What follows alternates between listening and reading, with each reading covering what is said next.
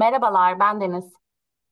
Merhabalar, ben de Olcay. True Crime Meçhule Giden Gemi podcast serimizin 107. bölümüne hoş geldiniz. Ee, yaklaşık 3 hafta galiba oldu değil mi? 3 haftadır yayın yapmıyoruz. Ee, Evet, e, zorunlu bir ara vermek gerekti. Zaten bu durumda kimsenin True Crime Podcast'i dinlemek isteyeceğini sanmıyordum. Yani siz bile demediniz, yani çok az kişi dedi ne zaman yeni bölüm diye. Korkunç şeyler oldu. Çok da detaya girmeye gerek yok. Ee, şu, şu bilgiyi vereyim. Benim babam Antakyalı. Bu durumda Türkiye kanunlarına göre ben de Antakyalı san- sayılıyorum sanırım. Bizim de e, yaşadığımız kötü şeyler var. Kuzenim vefat etti falan öyle yani. evet, maalesef her birimizin e, bir yerden bir tarafına dokundu. Ee, kardeşim başın sağ olsun. Yani biz seninle bu konuyu zaten Sağ ol. Sağ ol. Çok da fazla buraya artık deşme, bizim de deşmemize gerek yok. Mecburi bir e, üç hafta geçirdik haliyle. Ve de şey düş- düşündüm. Seninle sürekli şey diyorduk. Yani daha ne olabilir ki bizim e, yayın yapmamıza engel olabilecek diyorduk. Demek ki gerçekten Orta Doğu'da büyük konuşmamak gerekiyor. E, yani yine sıradan bir şey oldu Orta Doğu'da.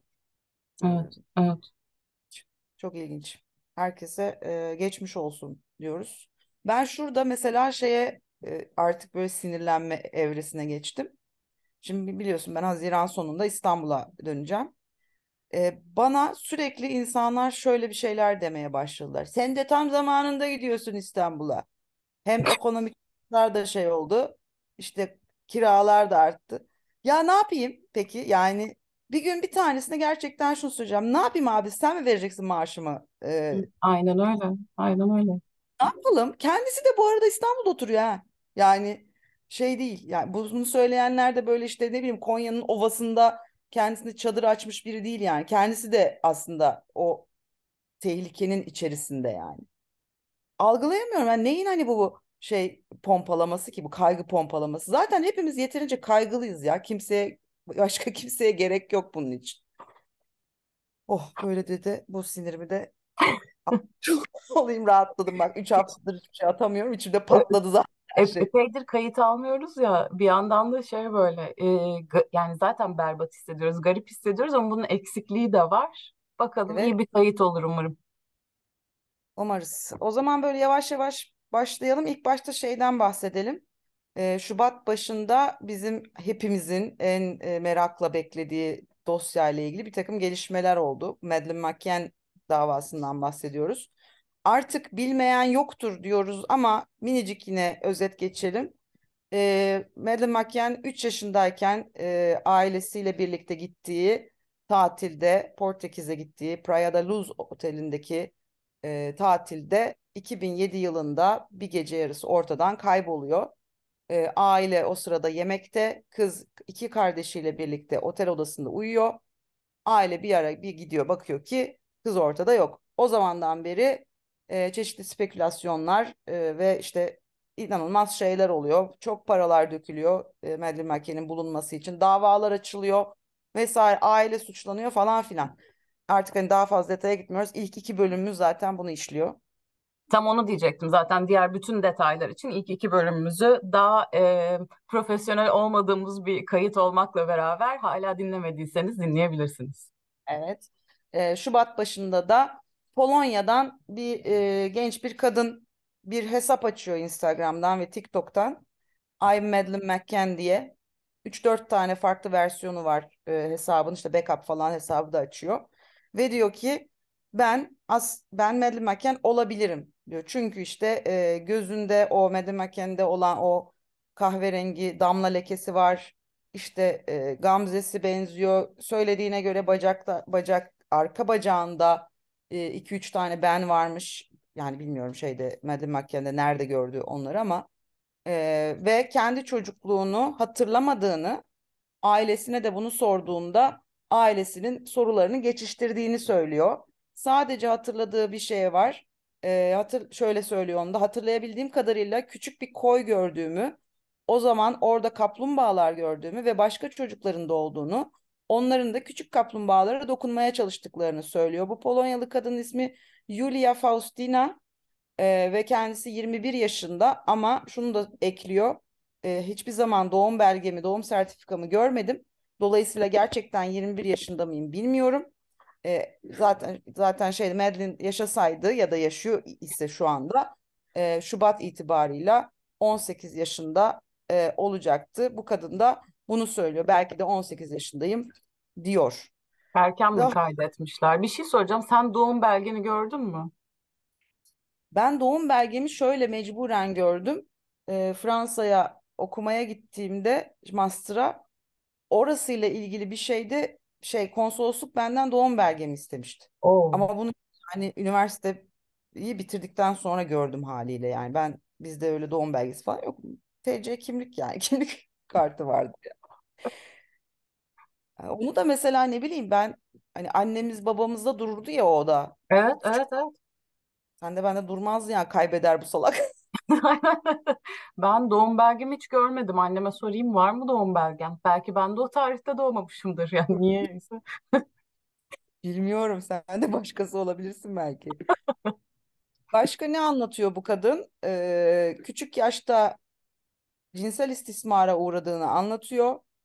Bunu da Christian Brückner'in işte güya e, Madeleine McCann davasındaki en önemli şüpheli şu anda sayılan a, Alman kişinin haberlerde çıkan resmini gördükten sonra e, hatırlıyor kız. Şöyle söylüyor. Bu kişiyi tanıyorum ve bu yüz- yüzü her zaman tanıyacağım. Bu o, bu Peter. Onun yüzü olduğuna eminim. Madeline olabileceğimi düşünüyorum ama DNA testi olmadan %100 emin değilim. Ama e, bu robot resimdeki kişinin e, işte Christian Brückner'den bahsediyor. O olduğuna eminim. Anladığım kadarıyla e, burada bir taciz dolayı, e, olayı var kıza ve sanıyorum kızın iddiasına göre Christian Brückner tarafından e, taciz ediliyor. Bunları söylüyor ve sonunda kaç kişilik bir paylaşım şeyi oluyor? Bir milyon kişiye ulaşıyor e, Instagram hesabı ve daha sonra da aile yani Madeleine McCann'in annesi ve babası DNA testi yapmayı kabul ediyorlar kıza ve kendilerine yani daha doğrusu kendilerine e, kız da istiyor. Kız hatta kendisinin işte büyük annesine falan da istemiş yani DNA testi yapalım sizinle demiş. Onlar da ya saçmalama öyle şey mi olur falan demişler. Annesiyle babası da güya şey demiş. İşte geçmiş geçmişte kalmıştır. Biz geleceğe bakmalıyız falan gibi saçma açıklamalarda bulunmuş. Yani hiçbir anne ve baba, babanın da böyle bir açıklama yapacağını düşünmüyorum. Eğer hani çocukları evlatlık olsa bile diye düşünüyorum. Yani daha başka bir konuşma yapılır herhalde. Ee, bunun da başka bir ha bir de şey var. Ee, burada kız, kızın hesabına bir zaman sonra bu Persian neydi ya? Medium muydu? Bir medium öyle bir E, garip bir evet canlı yayın yaptılar beraber. Menajeri mi olmuş ne? gibi bir şey oluyor. Güya işte psikik güçleri olan bir abla. Ama böyle 4 milyon falan takipçisi var yani şeyde Instagram'da. Ee, işte güya o da diyor ki işte evet bu kız doğruyu söylüyor falan filan. Ya bir tezgah dönüyor galiba ama çok da algılayamıyoruz. Sen ne diyorsun? Olabilir mi bu kız şey? Hadi Makken. Yani tabii kesin konuşmamak lazım ama bence imkanı yok. Yani belli ki kızın çok ciddi psikolojik sorunları varmış. Geçmişinde e, hatırlayamadığı dönemler varmış sanırım kullandığı ilaçlardan dolayı. Bir de bir şey söyleyeceğim. Demin e, arkadaşım Gökçe ile konuşuyorduk ofisteki arkadaşım. E, kız Polonyalı'ya benziyor. Kız İngiliz'e benzemiyor. Kız tam bir Evet. Polonyalı. Ya saçma bir şey söyleyeceğim ama gerçekten e, geçmişte işte savaşlarda, İkinci Dünya Savaşı'nda yaşanan acı o genle ona aktarılmış yüzünden okunuyor bence. Yani saçma bir şey söylediğimi biliyorum ama o kız İngiliz falan değil. Yo yo ben de aynı vibe'ı aldım diyeyim Değil yani mi? tırnak. Değil mi? Kesin ya Polonya akıyor üstünden bak Alman değil. Polonyalı o kadın.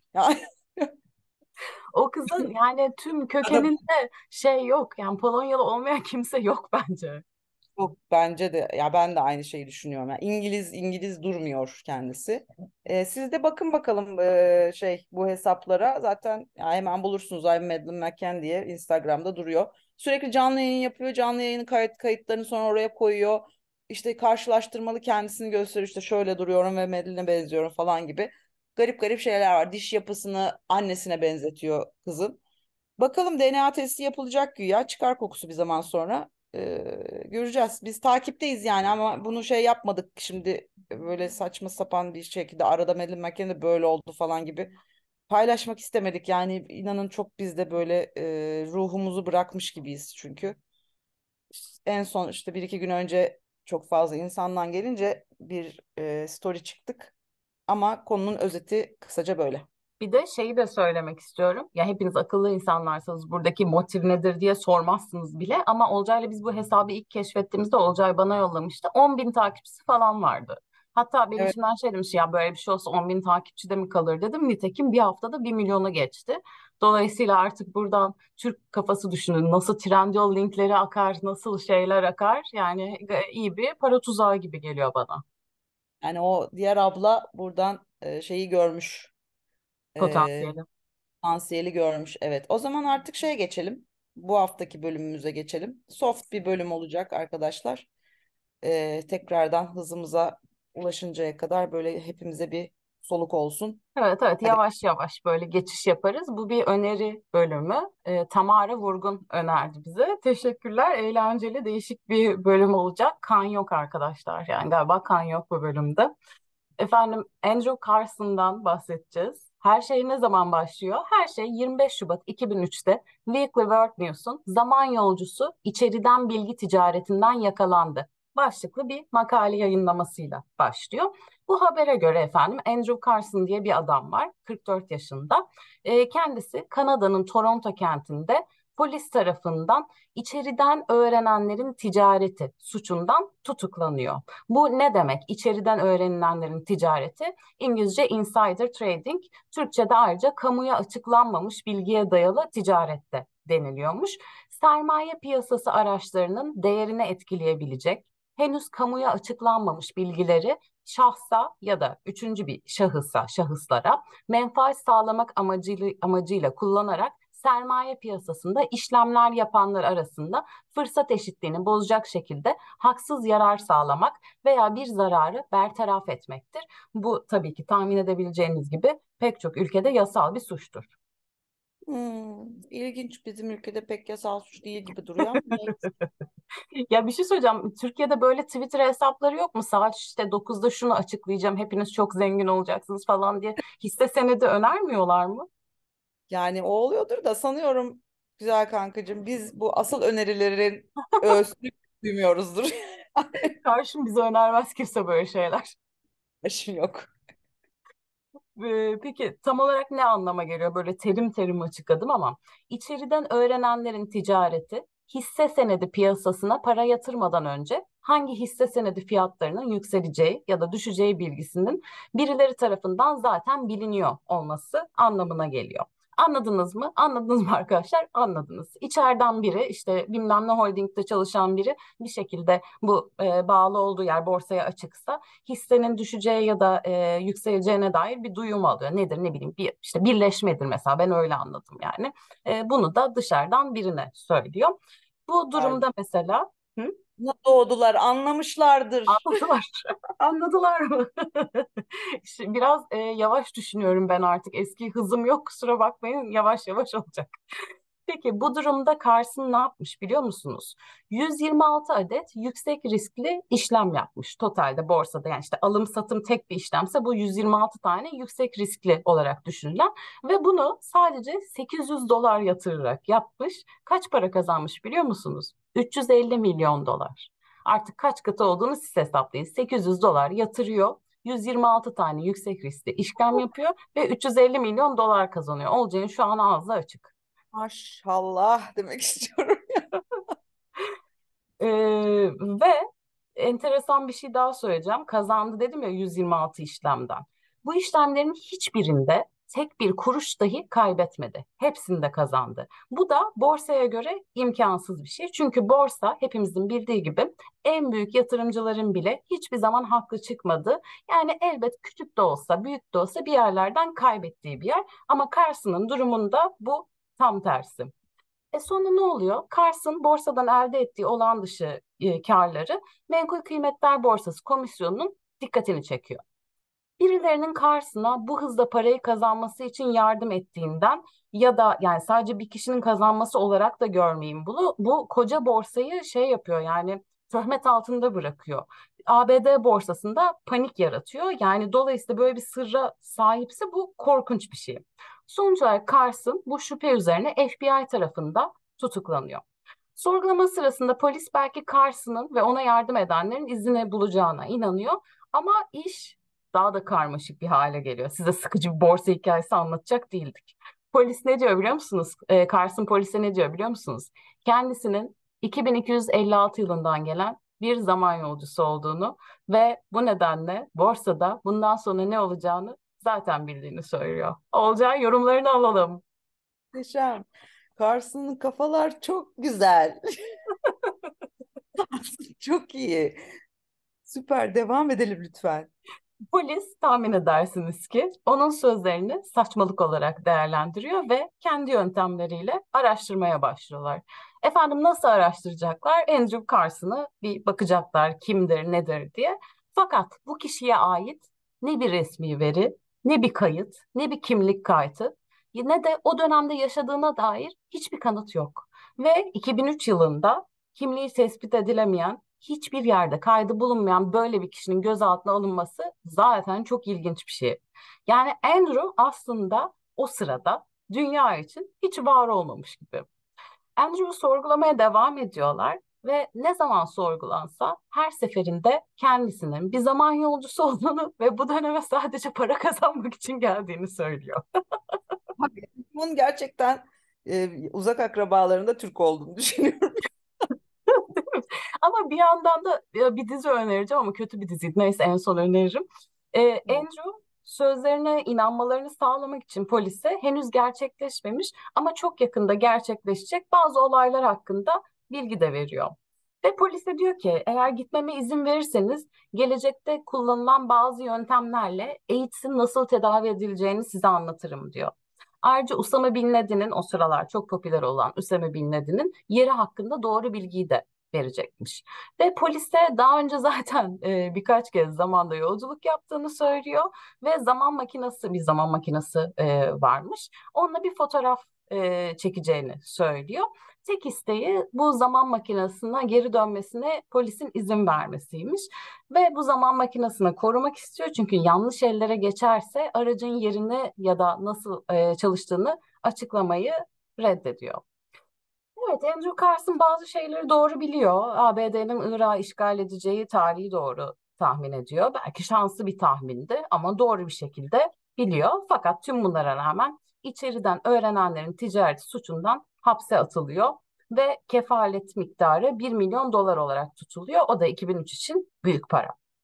Sonrasında birkaç gün sonra kimliği belirlenemeyen, belirlenemeyen anonim bir kişi 1 milyon dolarlık bir kefalet belgesi sunarak Andrew'un kefaletini ödüyor. Ancak kefalet süresi dolduğunda mahkemeye çıkarılması lazım ya sonuçta süreç devam edecek. Ama Andrew mahkemeye hiçbir zaman çıkmıyor. Polis Andrew'u bulmak için birçok girişimde bulunuyor ama Andrew sanki hiç gelmemiş gibi gizemli bir şekilde ortadan kaybolmuştu.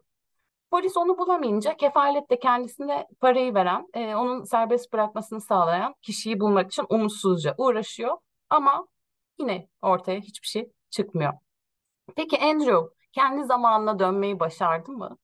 E, ya da gerçekten bir zaman yolcusu muydu? Yoksa profesyonel bir dolandırıcı mı? Bu gizemin cevabı e, ortada yok. Yorumlaşmadan önce, konuşmadan önce o yorumlaşmak güzel. Bunu ilk defa kullandım. O kafa çalışıyor. e, şunu da söylemem lazım. Bu olayı araştırırken tek bir kaynak vardı. Bu da ilk başta söylediğim Weekly World News. Bundan önce Andrew Carson'a dair hiçbir kayıt yok. Başka da bir haber yok. Böyle saçma bir iki forumda var. İşte aptal bir iki YouTube videosunda var. Ama arkadaşlar galiba Andrew Carson gerçek biri değil. Kendisi galiba kurgusal bir karakter. Yani Noel Baba gibi bir karakter muhtemelen. Şöyle makaleyi dikkatli incelediğinizde bunun linkini veririz. Arada link vermiyorsunuz diye bize kızıyordunuz. Şimdi hatırladım. Bunu vereceğiz. Söz veriyorum. Vermezsek yazın. Weekly Verse News'un makalesine bakıyorum. İki tane makale var bu konuda. Andrew Carson'ın bir fotoğrafı var. Ee, ama iki farklı adamın fotoğrafı var. Her makalede Andrew Carson olarak farklı bir adamın fotoğrafı kullanılmış. Yani hmm, Weekly World News bizimle dalga mı geçiyor? Evet. Tamara üzgünüm ama galiba bu olay fake çıktı. Olcay ne düşünüyorsun? Bir de zaman yolculuğu yapılıyor ne zamana gidersin? Yani fake çıkmasaydı büyük şey olabilirdi. Aa, neler olmuş ya falan diyebilirdik. Ama fake çıkması da çok enteresan değil mi? Böyle bir şeyde. Ya bunun üzerine birileri düşünmüş ve böyle bir haber yapmışlar. Yani böyle bir isim İsim Ne, vermişler adama. ne yapıyorsunuz siz ya? Hiç mi işiniz gücünüz yok abi? Ha tabii bu arada çok büyük komplocularsanız bize şey diyebilirsiniz. Bu haber başka yerde de vardı. Her yerden kaldırıldı. Bir tek Weekly Verse News'tan sildiremediler. Bu olay gerçek işte büyük kumpas işte falan diyebilirsiniz. Siz bilirsiniz. Yani sonuçta paşa gönlünüz bilir. Yani bu tabii ilginç, ilginç bir şey olmuş. Weekly World News'a e, azminden dolayı ya başarılarının devamını diliyorum. Yani ne diyeyim ya. Siz nereye gidersin zaman yolculuk? Hangi tarihe? Zaman yolculuğu mümkün olsaydı e, böyle atlaya atlaya geleceğe giderdim. Burada bakayım burası da iğrenç. Bakayım aa, burası daha da iğrenç. Diye diye diye diye sonsuzluğa giderdim diye düşünüyorum. Geçmişe dönüp borsa oynamaz mıydın? Oynayacağım abi ne yapacağım yani? Hani dolarım olsa ne olacak? Olmaz. Öyle bir kafadayım şu anda.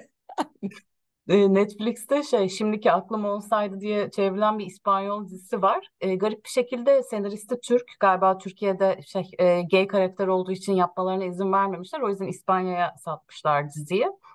Yok çünkü. Aynen geylik ne demek? Neyse o dizide böyle bir şey vardı. Sonu çok kötü bağlanıyor ama yine en azından şey anlamında sevdim. Diğer e, bu konuyu işleyen kurgularda kimse para peşinde ko- koşmaz böyle işte aşk peşinde koşar falan ya. Burada da dizide de gayet şey yapıyorlardı. E, Netflix'i mi ne kuruyorlardı ya da Apple ya da Spotify'ı öyle bir şey yapıyorlardı. Ya ama şey mantık ya e, ben de bir şeye gitsem e- eğer hani böyle e, en mantıklı şey hakikaten paraya oynamak yani işte ne bileyim iddia oynarsın. Vizyon hala çok küçük bak iddia oynuyor. Yazık fakirlikten abi hep bunlar. Ya da ya da ne olurduk biliyor musun? Politikacıların falcısı böyle bir şey varsa. Oo. Oo, büyük büyük gördün. Çok iyiymiş. Çok sen ne Peki, yapardın? hmm, Geçmiş ne yapacaksın ben Aa, bunu düşünmedim ha. Bu soruyu sana sorarken düşünmem gerekirdi ama düşünmedim. Geleceğe gitmem çünkü geleceğe gidersem böyle yaşlanırım, cildime bir şey olur falan diye korkarım. Galiba geçmişe giderim ya. Atatürk falan görürüm. Böyle de saçma bir cevap verdim. E Olcay, geçmişe gidebiliyor muyuz ya da geleceğe? Zaman yolculuğu mümkün mü? Bakalım geçmişe yol- yolculuk pek mümkün değil gibi duruyor. Fakat geleceğe yolculuk mümkün mü? Belki de bazı yöntemleri vardır. Şimdi ona bakalım. Ee, biraz da bilimsel altyapı oturtalım bu konuya. Birincisi hız yoluyla zaman yolculuğu. Bu uzak geleceği zaman yolculuğu yapmanın en kolay ve pratik yolu. Sanki şey e, süpürge tanıtımı yapıyoruz anasını satayım. Bir şey olursa bu yöntemi tercih edin arkadaşlar.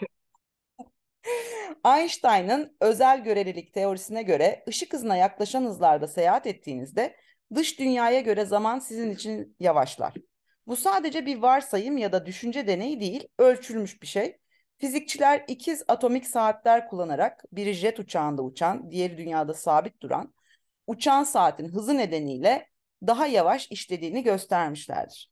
Uçak söz konusu olduğunda bu etki çok küçük ancak ışık hızının %90'ıyla seyahat eden bir uzay gemisinde olsaydınız zamanın dünyada olduğundan yaklaşık 2,6 kat daha yavaş geçtiğini deneyimlerdiniz.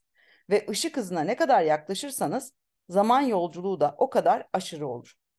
Herhangi bir insan teknoloji, teknolojisiyle ulaşılan en yüksek hızlar muhtemelen Büyük Hadron Çarpıştırıcısında ışık hızının %99,99999991'i ile vızıldayan protonlar. Ee, özel göreliliği kullanarak proton için bir saniyenin bizim için 27,777 falan filan uzuyor bu saniyeye ya da yaklaşık 11 aya eşdeğer olduğunu hesaplayabiliriz. Pardon 27 virgül değil, 27 bin 777 bin işte bıdı bıdı bıdı. Konuşamadım ya. 27 milyon arkadaşlar. 27 milyon Çok 700 fazla arkadaşlar, çok. Çok ya aşırı fazla. Şaşırtıcı bir şekilde parçacık fizikçileri bozulan parçacıklara parçacıklarla uğraşırken bu zaman genişlemesini hesaba katmak zorundadırlar.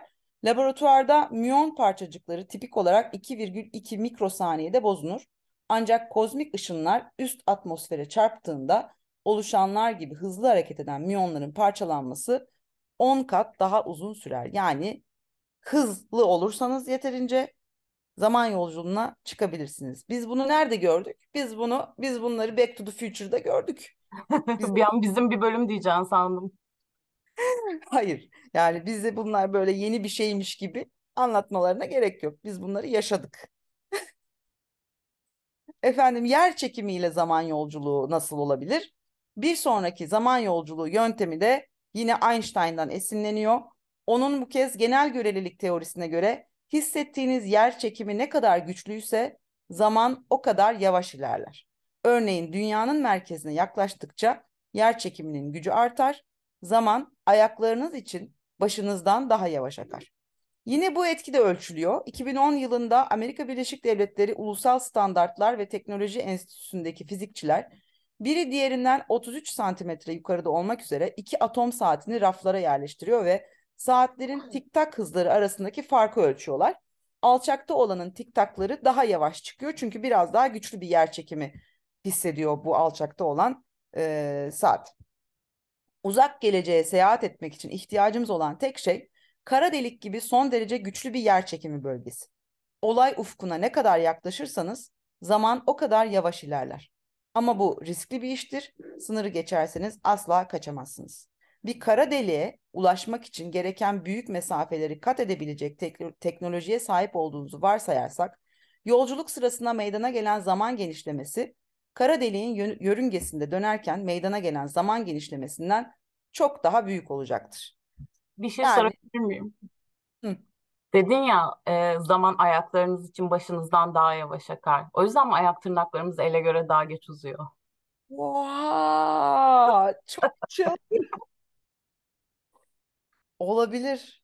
Olabilir. Yani tüm bunları Einstein tırnaklarımız için bulmamıştır diye düşünüyorum ama bence bana ben, ikna ettin beni şu anda. Yani net bir şekilde ikna olmuş durumdayım. Bunu manikürcüme de soracağım. Tabii ki. Yani diyor ki bir kara delik bulun içine girin yer çekimi falan filan olur işte o zaman da ileri gidersiniz diyor. Yani o kadar şey yaptıktan sonra 3 milyon dolar için yapmazsın abi bunları. Ben kara deliğe gitmişim ya. Kara delik görsen girer misin? Hemen girerim. Gerçekten mi? Ben girmem. Hemen girerim ya bakayım ne oluyor diye. Ya dönemezsem? Dönmeyeyim abi döndüğüm yerde bok çukuru anasını. Haklısın. Öyle abi. Askıya alınma zaman yolculuğu. Üçüncü yöntemimiz. Geleceğe zaman yolculuğu yapmanın bir başka yolu da bedensel süreçlerinizi yavaşlatarak ya da durdurarak ve daha sonra yeniden başlatarak zaman algınızı yavaşlatmak olabilir. Bakteri sporları, doğru sıcaklık, nem ve gıda koşulları metabolizmalarını yeniden başlatana kadar milyonlarca yıl boyunca askıya alınmış bir durumda yaşayabilirler. Ayılar ve sincaplar gibi bazı memeliler kış uykusu sırasında metabolizmalarını yavaşlatarak hücrelerinin gıda ve oksijen ihtiyacını önemli ölçüde azaltabilir. Yani zamanı ve metabolizmayı yavaşlatarak bunu halledebilirsiniz diyor. Ben burada kış uykusunu ayılara kaptırdığımız için ne kadar mutsuz olduğumu bir söylemek istiyorum. Bence muhteşem bir keşif yani. Kesinlikle, kesinlikle çok mantıklı değil mi? Çok az eforla böyle yavaş yavaş yaşayarak zamanı durdurabiliriz. Niye biz bu kadar ne vardı da yani kış oldu yatıyor ya 3 ay yatmayız. Peki insanlar da aynısını yapabilir mi? Metabolizmanızı tamamen durdurmak muhtemelen mevcut teknolojimizin çok ötesinde olsa da bazı bilim insanları en az birkaç saat süren kısa süreli bir kış uykusu durumuna geçmeyi başarmak için çalışıyorlarmış. Bu bir kişinin kalp krizi gibi tıbbi bir acil durumu hastaneye ulaşamadan atlatması için yeterli bir süre olabilir. 2005 yılında Amerikalı bilim insanları fareleri oksijenle aynı hücre reseptörlerine bağlanan çok küçük dozlarda hidrojen sülfüre maruz bırakarak farelerin metabolizmasını yavaşlatmanın bir yolunu gösterdiler. Bu fareler kış uykusuna yatmayı hatırlatalım. Farelerin çekirdek vücut sıcaklığı 13 dereceye düştü ve metabolizmaları 10 kat azaldı. Metabolizma hızları. 6 saat sonra fareler herhangi bir kötü etki olmaksızın yeniden canlandırılabildi. Ne yazık ki koyun ve domuzlar üzerinde yapılan benzer deneyler başarılı olmadı. Bu da yöntemin daha büyük hayvanlar için işe yara yaramayabileceğini gösteriyor. Kanı soğuk bir tuzlu su çözeltisiyle değiştirerek hipotermik bir kış uykusuna neden olan başka bir yöntem domuzlar üzerinde işe yaradı ve şu anda Pittsburgh'da insan klinik deneylerinden geçiyormuş efendim. Ee, bir diğer şey de solucan deliği aracılığıyla zaman yolculuğu. Genel görelilik aynı zamanda uzay zamanda solucan delikleri olarak bilinen ve 1 milyar ışık yılı ya da daha fazla mesafeyi ya da zamanda farklı noktaları köprüleyebilen kestirme yolların varlığına da olanak tanımakta. Bunu da en iyi şey anlatıyordu değil mi ya? Bu solucan deliğin hikayesini. Interstellar mıydı o filmin ismi? Aa evet güzel filmdi. Güzel anlatıyordu o. Ee, nedir bu solucan deliği diyeniniz varsa o filmi de izlemediyse bence hemen izlemelisiniz. Aralarında Stephen Hawking'in de bulunduğu pek çok fizikçi solucan deliklerinin atomlardan çok daha küçük olan kuantum ölçeğinde sürekli olarak var olup yok olduklarına inanıyor. İşin püf noktası bir tanesini yakalamak ve insan ölçeğine göre şişirmek olacak. Bu çok büyük miktarda enerji gerektirecek ancak teoride mümkün olabilecek bir başarı. Bunu kanıtlamaya yönelik girişimler genel görelilik ve kuantum mekaniği arasındaki uyumsuzluk nedeniyle başarısızlıkla sonuçlanıyor. Ama ben mesela bunu bununla ilgili şeylerin e, diğerlerine göre daha kısa vadede bulunabileceğini düşünüyorum. Yani bu solucan deliği hikayesinin niyeyse. Yorum yapamayacağım. Öyle diyorsan öyledir. Yorum yapman gerekiyor. Şu anda senin benim karşımda bir kişi olarak yorum yapman lazım.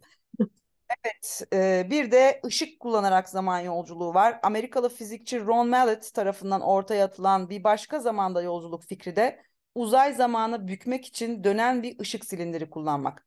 Dönen silindirin içine düşen herhangi bir şey teorik olarak uzayda ve zamanda sürüklenebilir. Tıpkı bir kaşıkla döndürdüğünüz kahvenizin üstünde bir baloncuğun dolaşmasına benzer bir şekilde. Mallett'a göre doğru geometri hem geçmişe hem de geleceğe zaman yolculuğu yapılmasını sağlayabilir. Mallet teorisini 2000 yılında yayınladığından beri dönen lazerlerden oluşan daire, dairesel bir düzenekten nötronların düşürülmesini içeren bir kavram kanıtı deneyi için gerekli fonu toplamaya çalışıyor. Ancak fikirleri fizik camiasının geri kalanının ilgisini çekmedi. Diğerleri Mallett'ın temel modelinin varsayımlarından birinin fizik dilinde bu imkansız anlamına gelen bir tekillikle malul olduğunu savunuyormuş. Evet, yani kısa yoldan zengin olamayacağız galiba. Evet, pek pek mümkün gibi gözükmüyor. Anlattıkların çok güzel anlattın ama bana karışık geldi. Benim yani şöyle anladım ama pek yapabilirim gibi gelmedi. Yani evde bir laboratuvar kurarak bunları yapamam. Yok hayır evet. Bunu sakın evde denemeyin. Ev sahibi kızar mı? O bizim daha ev sahibimiz var. Bizim kendi evimiz. Boş versene. Zaman yolculuğu yapacağına git kendine bir ev al be. E, ofiste yapayım. Ofiste bir odayı kullanayım. Kızarlar mı? Kızarlar.